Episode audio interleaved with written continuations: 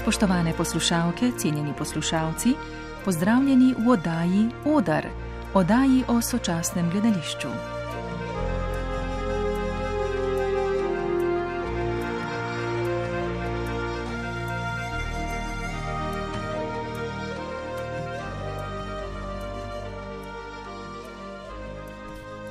V današnji oddaji o vsebini knjige Zakaj gledališče, kriza in prenova nemškega publicista, novinarja, urednika, dramaturga Jakoba Heinerja, ki se sicer posveča pisanju o politiki, znanosti, filozofiji, literaturi in gledališču, se bomo ukvarjali z nekaterimi tezami, ki jih je avtor zastavil, da bi se dejansko vprašali o utopičnem prostoru radikalne demokracije univerzalnosti gledališča, ki ni popolna odslikava sveta, je pa tako za politiko kot gledališče pravi značilna arena javnega disputa.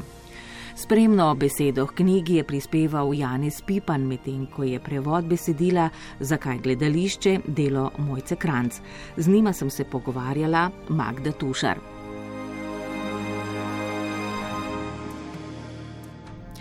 Knjiga, ki se je znašla pred bravci v pravem trenutku, kljub nekaterim filozofskim, antropološkim, kulturološkim, psihoanalitičnim in drugim premislekom, ni namenjena le osko posvečeni skupini gledališčnikov, ampak se odpira širši bralni in gledališki publiki, saj je zgoščeno besedilo temeli tako na temeljiti gledalski izkušnji kot branju literature oziroma teorije zato ne gre pričakovati hladno akademskega diskurza. To je res.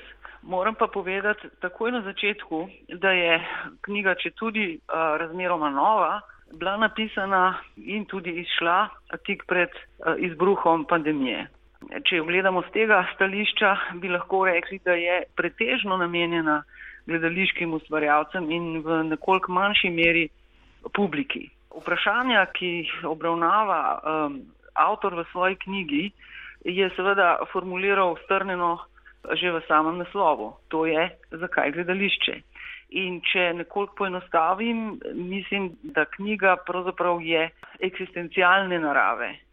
In najbrž ne avtor, ne nihče drug ni mogel slutiti, da se bodo ta eksistencialna recimo vprašanja tako hitro razširila v eksistenčna vprašanja. In v tem smislu seveda je potem tudi uh, krok bravcev te knjige se zelo, zelo razširil v večjo mero seveda občinstva. Če pa si skušamo odgovoriti, kako je publika se odzvala na to, recimo, eksistenčno vprašanje, seveda lahko zdaj na čist primarni ravni samo praktično odgovorimo. To pa je, da je brško je bilo mogoče da bi bila gledališča odprta, da bi delovala na recimo temu konvencionalen način, se pravi, ko živi igravci nastopajo pred eh, tedaj v istem času prisotnimi uh, gledalci v dvorani, odgovorila tako, da so bile dvorane razprodane. Žal pa seveda danes razprodana dvorana ne pomeni isto kot polna dvorana. Tako da, če zdaj skušam še bolj natančno odgovoriti na vaše vprašanje, ko je bila knjiga napisana, ni mislila epidemije, ko pa smo jo brali in prevajali, pisali spremno besedo in tako je pa epidemija že, že uh, bila prisotna v, uh, na svetu. Kaj točno se vam je najbolj razjasnilo med branjem in prevajanjem knjige v zvezi s trenutno situacijo gledališča v svetu? V bistvu je, moram reči tako, Če razlika med eksistenčnim in eksistencialnim je recimo poenostavljeno povedano v tem, ko si v stiski, ko ti gre za preživetje ali pa celo za življenje, boš najbrž zelo težko ali pa zelo pozno ali pa sploh se ne boš spraševal tudi o smislu. Ampak videti je, kakor da je a, vendarle vprašanje po smislu, ravno v pravem času seveda se odprlo ravno zdaj, ko ne vemo, a bo gledališče sploh preživelo in če bo na kakšen način. To recimo dokazuje tudi to, da brško je epidemija se razmahnila in ko so se gledališča po vsem svetu med prvimi zaprla, so je vzniknilo cel kup knjig, zbornikov, člankov, radijskih, televizijskih oddaj, ki so se spraševali točno o tem, zakaj gledališče. In na to vprašanje so odgovarjali tako gledališki storjavci, kot teoretiki, kot seveda predstavniki publike. In a, zato, da mi v, v takem, recimo, kriznem obdobju, ki je res, mislim, kako ne rečem, temeljno, a, imamo disciplino, koncentracijo in recimo temu tudi pogum, da se sprašujemo po smislu, to seveda terja spoznanje, da sta ti dve vprašanji mogoče bolj povezani, kot se zdi na prvi pogled, da se dopolnjujeta med sabo in da mogoče celo si pomagata rešiti drug drugega. No, mojca Kranc, glede na to, da ste tudi praktičarka v gledališču, avtor sicer ne daj nekih napotkov za točno uprizarjanje predstav danes v gledališču, Kako so vam, denimo, pa blizu osnovna stališča avtorja, da gledališče problematizira problematičen svet, postane utopičen prostor radikalne demokracije, vendar da univerzalnost ni v popolnosti odslikave sveta? Mm, mislim, da je, da je kritična ost avtorjeva upirjena predvsem v to, da gledališča In, um, tukaj zdaj moram iti v kratek ekskurs. Mladi Jakob Hajner je seveda dramaturg in ima pred, ko knjigo to piše, ima predvsem pred očmi nemško gledališče. Um, sem pa prepričana, da stvari, ki, teme, ki jih načenja, vprašanja, ki jih zastavlja, v, v popolnoma enaki meri veljajo tudi, so veljavna tudi v slovenskem uh, obzorju, v slovenskem gledališču, pač zato, ker, ker so korenine teh dveh kultur vsaj kar se gledališča tiče, zelo podobne, če tudi ima nemško recimo daljšo tradicijo od slovenske. Kar hočem reči je to, da avtor naslavlja oziroma upirja svojo kritično ost predvsem v to, da gledališča, da bi se upirala zelo močni tendenci v družbi, da bi izgubila svojo avtonomnost.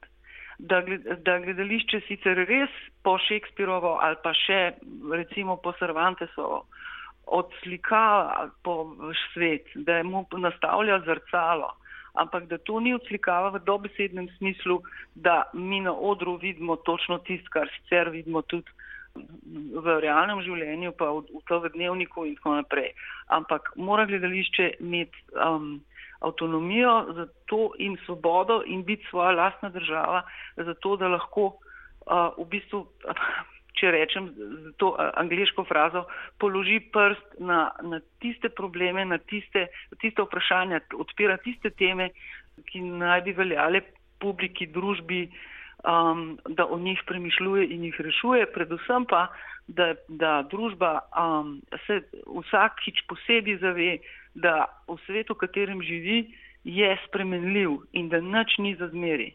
To je sicer epidemija zelo drastično pokazala, tako rekoč od danes na jutri, da stvari so spremenljive in da jih lahko mi spremenimo ta hip, ampak v tem, recimo, na bolj mikronivoju, pa to seveda tudi velja. In to je ena od nalog, ne sam seveda gledališča, ampak tudi umetnosti sicer. No, pa še morda nekaj besed o konkretnem vašem delu, o prevodu, o prevajanju. Avtor upeljuje nekatere termine, ki so morda najbolj od vsega zelo njegovi. Kaj lahko poveste o njegovem slogu pisanja in uh -huh. o mhm. terminih, ki jih ja. uporablja?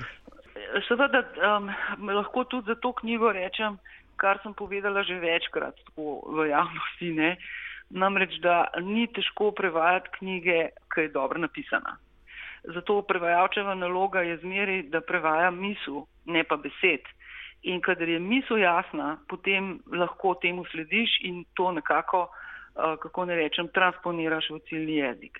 Ne bom rekla, da ta knjiga ni bila zahtevna za, za, um, za prevajati. Uh, to pa zato, ker je napisana zelo gosto, zelo zgoščeno, zelo strneno. Ali pa če povem z drugimi besedami, ne ravno vsi stavki, ampak zelo velik stavkov v njegovi knjigi je takih, da bi jih avtor lahko uh, razvil, razvejil, razširil uh, najmanj na en odstavek, če ne za dva. Ne? Povedati moram seveda, da avtor poskuša oziroma piše poljudno, kar pomeni, da, je lahko, da ta knjiga je popolnoma mirno lahko um, čtivo tudi, uh, recimo temu, ne specialistov teatroloških, ima pa seveda ambicijo, da bi bila tudi strokovna, če ne celo znanstvena. In, um, in tu, če ko rečem znanost, tudi seveda mislim na filozofijo, na antropologijo, sociologijo, teatrologijo, uh, sociologijo kulture, pa najbrž se še, a psihoanalizo recimo, pa najbrž sem še spustila kaj. In moja naloga prevajalska je bila, da prepoznam te dele njegovega, njegov pasaže v njegovem delu in da pol seveda se držim strokovne terminologije. Um, naloga je seveda bila pa tudi ta, da če so bili kje kakšni recimo ostrejši robovi v prehajanju teh diskurzov iz strokovnega v publicistično, da sem te robove uh, zgladila, zmeščala zato da sem pač omogočila bolj tekoče, bolj mehko branje. Mislim, da je treba povdariti in pohvaliti oziroma se zahvaliti, da ne bo zvenel preveč pokroviteljsko, da je založba knjižica mest, mestnega gledališča Ljubljanskega in njegova urednica Petra Pogorevc tako hitro prepoznala vrednost te knjige in jo uvrstila v svoj knjižni program. Pričemer moram takoj povedati, da v, v tem programu izhaja razmeroma malo naslovov vsako leto. Mislim, da celo samo dva. Um, in to pomeni, da smo uh, relativno razmeroma hitro dobili uh, to knjigo tudi v slovenskem prevodu. Dobesedno je to bilo v dobrem letu. In še ena posebnost je te knjige, um, ki se mi zdi, da jo velja povdariti, to pa je, da, je, uh, da jo spremlja zelo, zelo zanimiva, tehtna, spremna beseda, katere avtor je Janez Pipan. In um, v recimo njegova uh, odlika um, oziroma odlika njena te spremne besede je v tem, da je v nasprotju z nekaterimi tendencami, ko avtori spremnih besed mislijo, da je njihova naloga, da povzamejo knjigo in je to to, in pol pri tistih bralcih, ki najprej preberejo spremno, mislijo, da pač jim ni treba prebrati knjige. Skratka, Pipan naredi a, popolnoma svoj komplementaren tekst tej knjigi. Tudi po dolžini, to je skoraj četrtina knjige, a, je dolga spremna beseda. To je bila dramaturginja in prevajalka Mojca Kranc, v nadaljevanju pa več slovenski režiser Janez Pipan.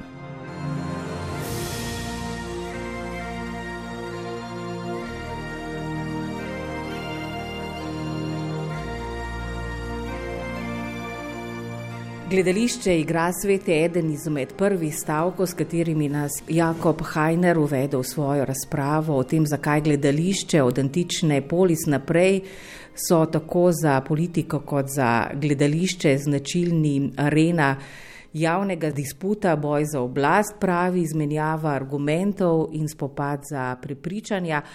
Janez Pipan, vi ste pisali predgovor knjigi. Kakšne so torej podobnosti kriz demokracije in kriz gledališča, kaj v enem in v drugem primeru predstavlja sploh krizo? Nedvomno je v sedanjem času v veliki krizi demokracija eh, in z njo seveda tudi gledališče, kajti gledališče in demokracija sta nekako povezana. Vse od nastanka petem stoletju pred našim štetjem. In ta povezava je ostala usodna pravzaprav vse do zdajšnjega časa. Tisto, kar je usodno eh, vplivalo na krizo demokracije danes, je odprava javnosti, javnega prostora, oziroma z drugimi besedami, privatizacija tega javnega prostora. In eh, ko gre za ta fenomen privatizacije, pa nekako eh, gledališče zapušča ta, to svoje osrednje mesto v družbi, mesto neke resnice in se usmerja na tako imenovane ciljne skupine. Skratka, ni več eh, to gledališče za vse ali za večino, temveč za neke specifične posebej organizirane, eh, bolj ali manj avtonomne družbene skupine, zaprte kroge, azile, gete in tako naprej, kjer seveda potem izgubi tisto funkcijo in predvsem moč, ki jo je v svojih najboljših časih gledališče imelo. Družbena funkcija gledališča se zdi je samoumevna, artikuliralo naj bi resnico o družbi, čeprav jo seveda ne preslikava, pa vendar jo poskuša po svoje zaobjeti in prenesti pred gledalca. Kako pravzaprav jo v sodobnem času to resnico gledališče preizkuša? Rekli ste, da ni več toliko zavezano resnici.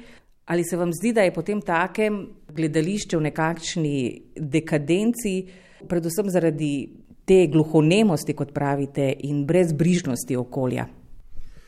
Gledališče eh, Hajner označuje za poezijo prekoračitve. S tem znanim terminom je mišljeno to, da je gledališče vedno ne samo gledalcem predstavljalo družbenega konteksta ali pa družbenega okolja, znotraj katerega se pač oboji v tistem trenutku nahajajo, ampak tudi, tudi možnosti preseganja tega. Se pravi, možnosti po domače rečeno, kako bi bilo lahko tudi drugače, kot je. Danes, seveda, je s to parcelizacijo, ne, s to razdrobljenostjo, s to mogoče tudi s tem fokusom na individualne izkušnje, namesto uh, na mišljenje kolektivnega, gledališče pač izgubilo ostrino, izgubilo uh, uh, moč argumentov. Ne? Ker seveda že vnaprej je jasno, vedno, koga želi zadovoljiti, koga nagovarja, kaj pravzaprav od tega nagovora pričakuje, in tako naprej.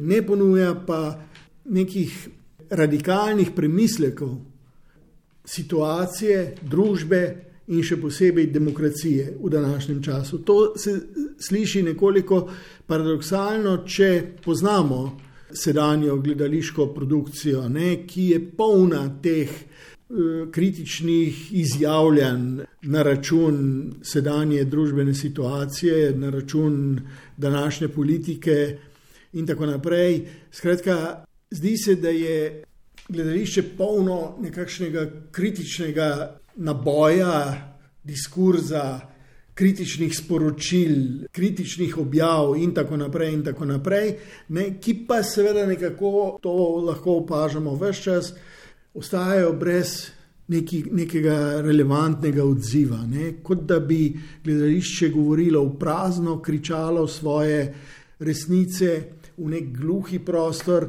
In eh, Hajner seveda zaradi tega predlaga, da se vendarle gledališče začne spraševati, zakaj je tako. Kaj je vzrok tej, tej gluhi lozi, znotraj katerega danes deluje ne samo gledališče, ampak umetnost nasplošno. In eh, eh, po njegovem mnenju, seveda to pomeni, da bi moralo gledališče ponovno preuprašati vse svoje temeljne postulate. Se pravi, zakaj sploh je To pa pomeni, da se mora vrniti na same začetke, zakaj je nastalo gledališče, kakšne vlogo je igralo skozi zgodovino in kdaj, v katerih situacijah je gledališče res imelo svojo veliko moč.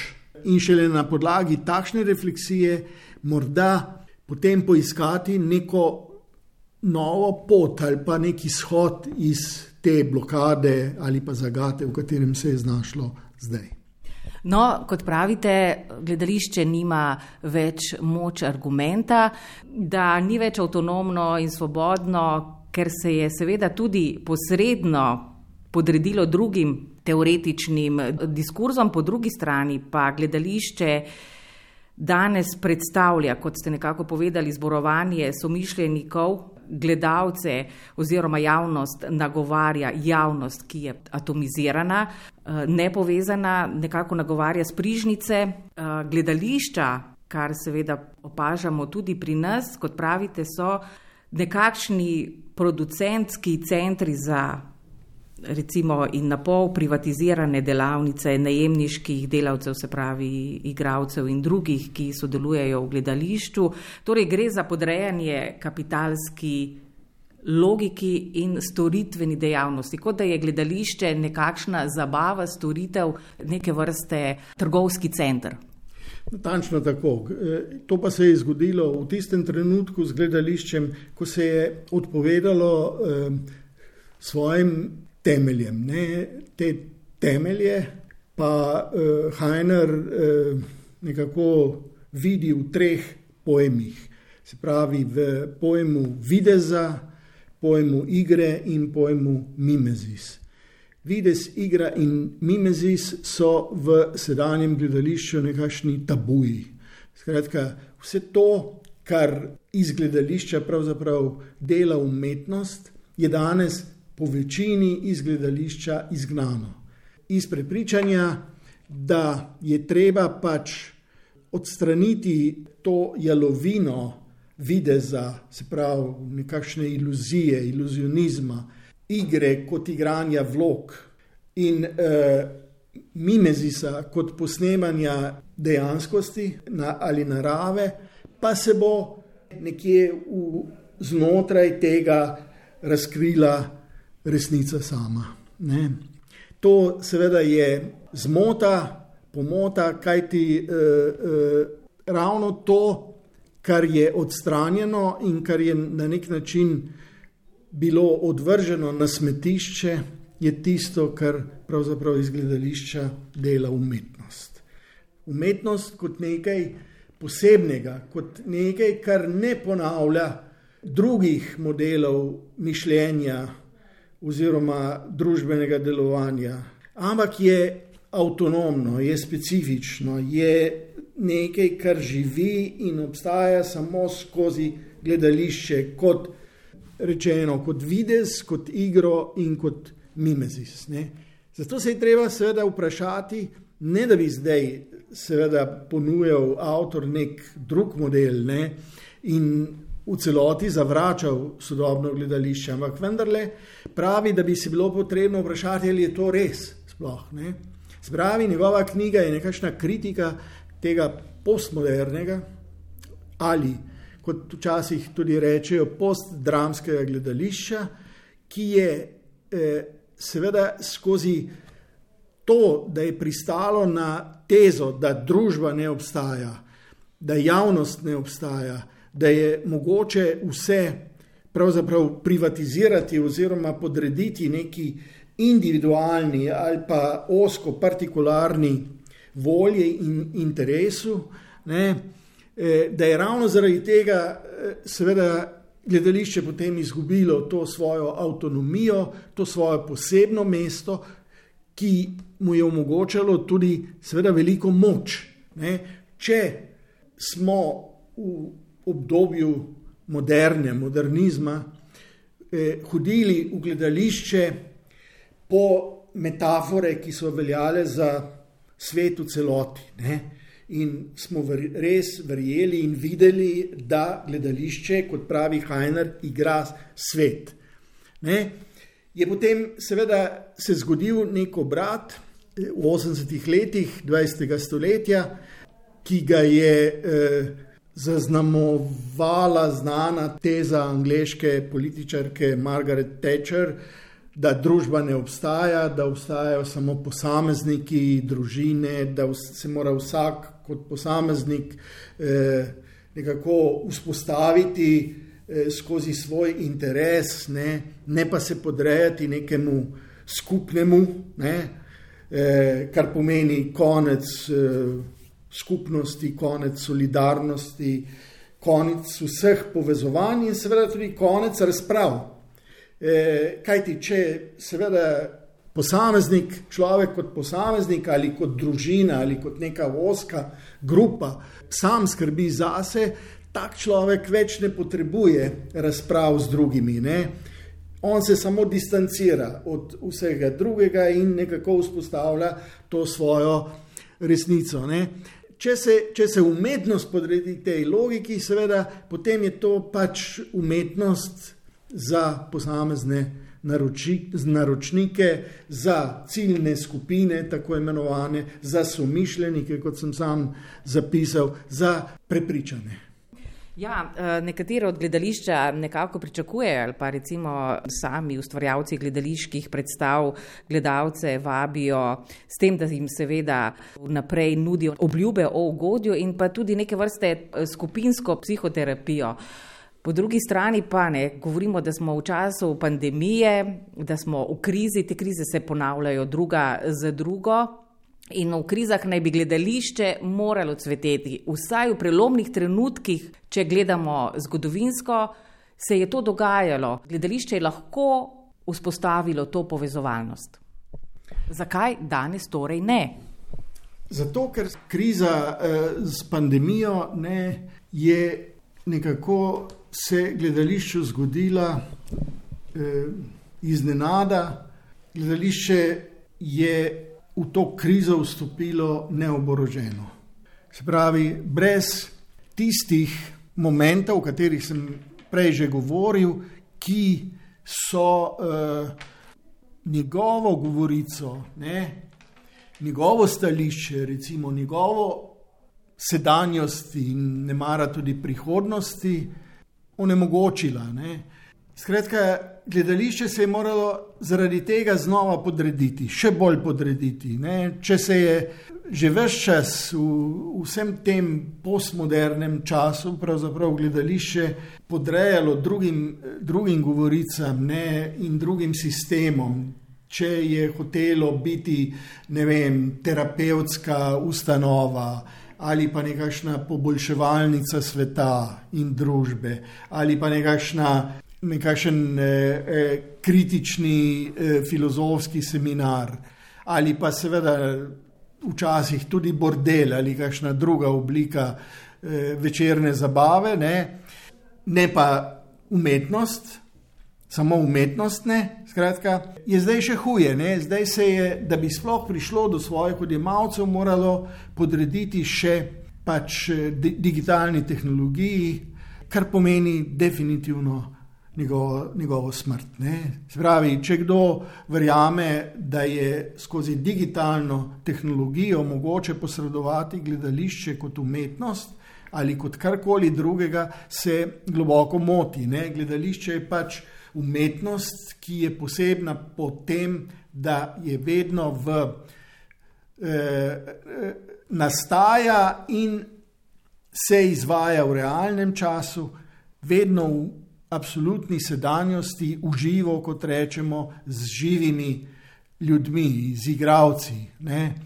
Spravi, čim gre za posredovanost tega preko nekih eh, tehnoloških medijev, ne, potem to ni več to, ni več to gledališki dogodek, ampak je nekaj drugega. Ne. In tu se je zgodil, seveda, zelo ciničen paradoks, da eh, je nenadoma gledališče, ki se je v tej postmoderni dobi, pa tudi že prej, upiralo ne, z vsemi silami, v vsakršni obliki, obliki reprezentacije, posredovanja, se pravi eh, preko vlog, preko dramskih besedil in tako naprej, vse naj bi bilo zgolj in samo realno, čista realnost na odru, bolj realna od realnosti zunaj, in tako naprej. Ne, se je zdaj zgodilo, da gledališče lahko živi samo kot posredovana umetnost. In to posredovana s pomočjo tehnologije, ki je seveda nadzorovana. Spravi, to, kar je eh, pre, predtem bil živ dogodek z živimi igravci, seveda tega ni bilo mogoče spremenjati, v to načeloma ni mogoče intervenirati, takšno kot je, se vzpostavi pred gledalci. Ne. Zdaj je vse mogoče spremeniti. Ne. Se pravi, na tej poti od same predstave, naprimer, do gledalca, se lahko zgodi, je, je več filtrov. Ne. Kjer je mogoče tako rekoč vse spremeniti, vse ponarediti in seveda gledalcu ponuditi točno tisto, kar želi ne umetnik, ne, ki predstavo izvaja, ampak nekdo drug, producent, naprimer, ali pa morda še kaj hujšega. Torej, uh, ni več mogoče ta diskurs recimo, med gledališčem in gledalcem, vsaj ne tako neposreden, po drugi strani pa ne diskurs med estetskim in družbenim. Kakšne so torej predpostavke tega, da, da se mora gledališče vrniti na točko nič? Kakšne so predpostavke, da bo iz tega niča nekaj nastalo? No, te garancije seveda ni. Ne. In tudi eh, sam ne verjamem, da je zdaj mogoče eh, od jutri začeti od točke nič. Ne. Se pravi, po, pozabiti vse, kar je bilo, vse to odstraniti in začeti na novo. To bi bila nova napaka.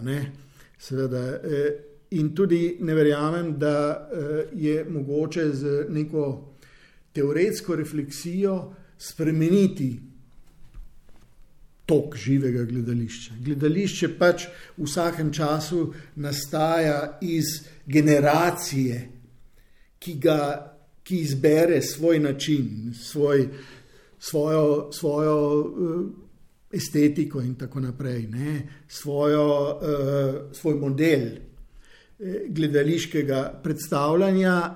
Je, vsak čas tudi, seveda, poišče svoje odjemalce, gledalce in tako naprej. In tako bo vedno. Ne.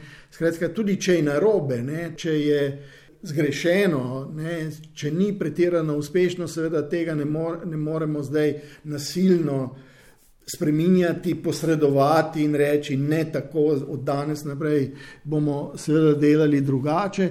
Seveda ta sprememba se bo zgodila nenapovedano, nekega lepega dne, ne, ampak eh, Tisto, na kar pa knjiga opozarja, ne, je, da pa je treba stvari vendarle premisliti. Ne. V današnjem gledališču, po Hajnerjevem in tudi po mojem mnenju, manjka točno tega, refleksije, oziroma natančneje rečeno, autorefleksije.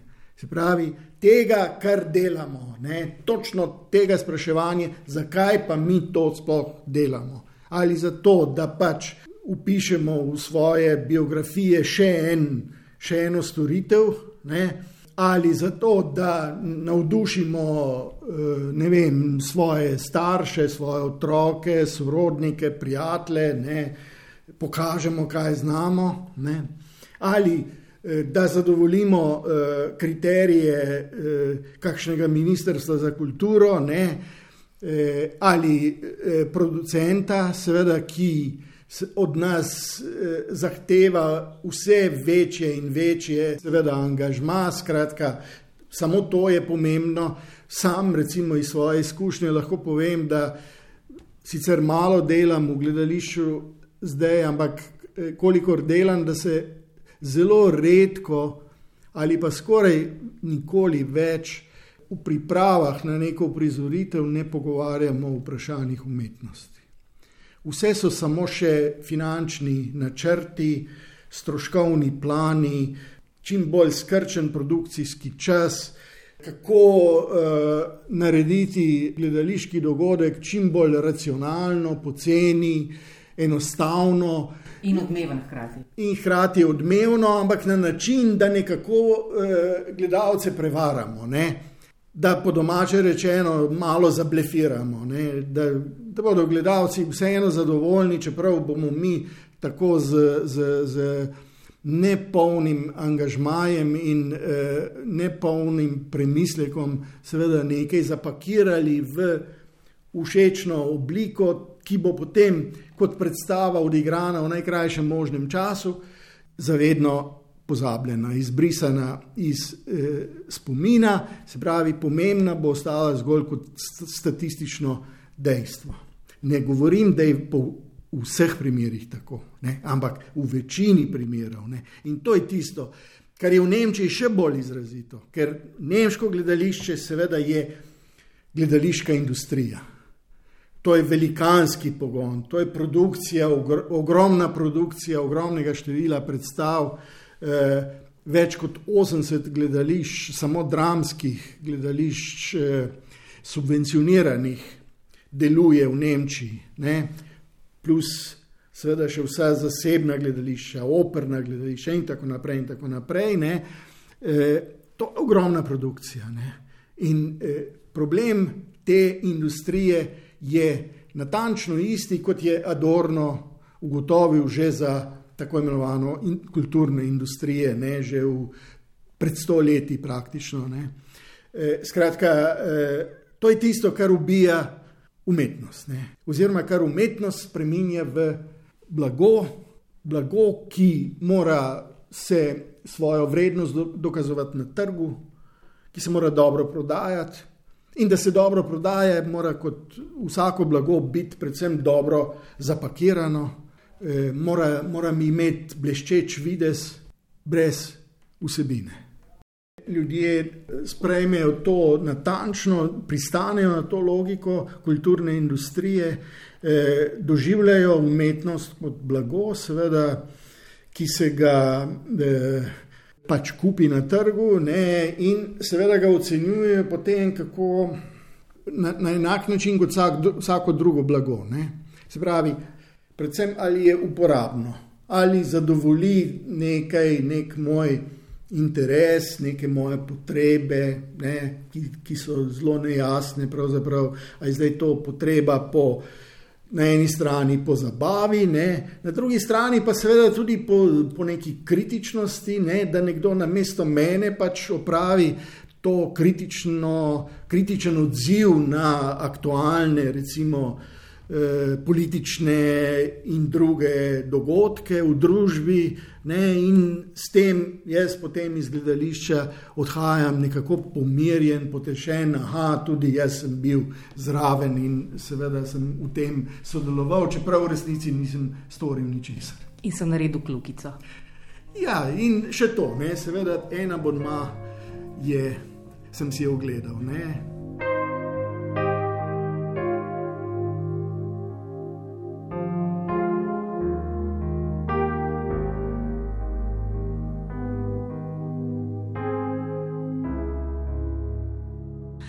Oddaji Oder je bilo govora o izhodiščih knjige Zakaj gledališče Jakoba Hajnerja. S prevajalko Mojco Kranc in piscem spremne besede Janezom Pipanom sem se pogovarjala Magda Tušar.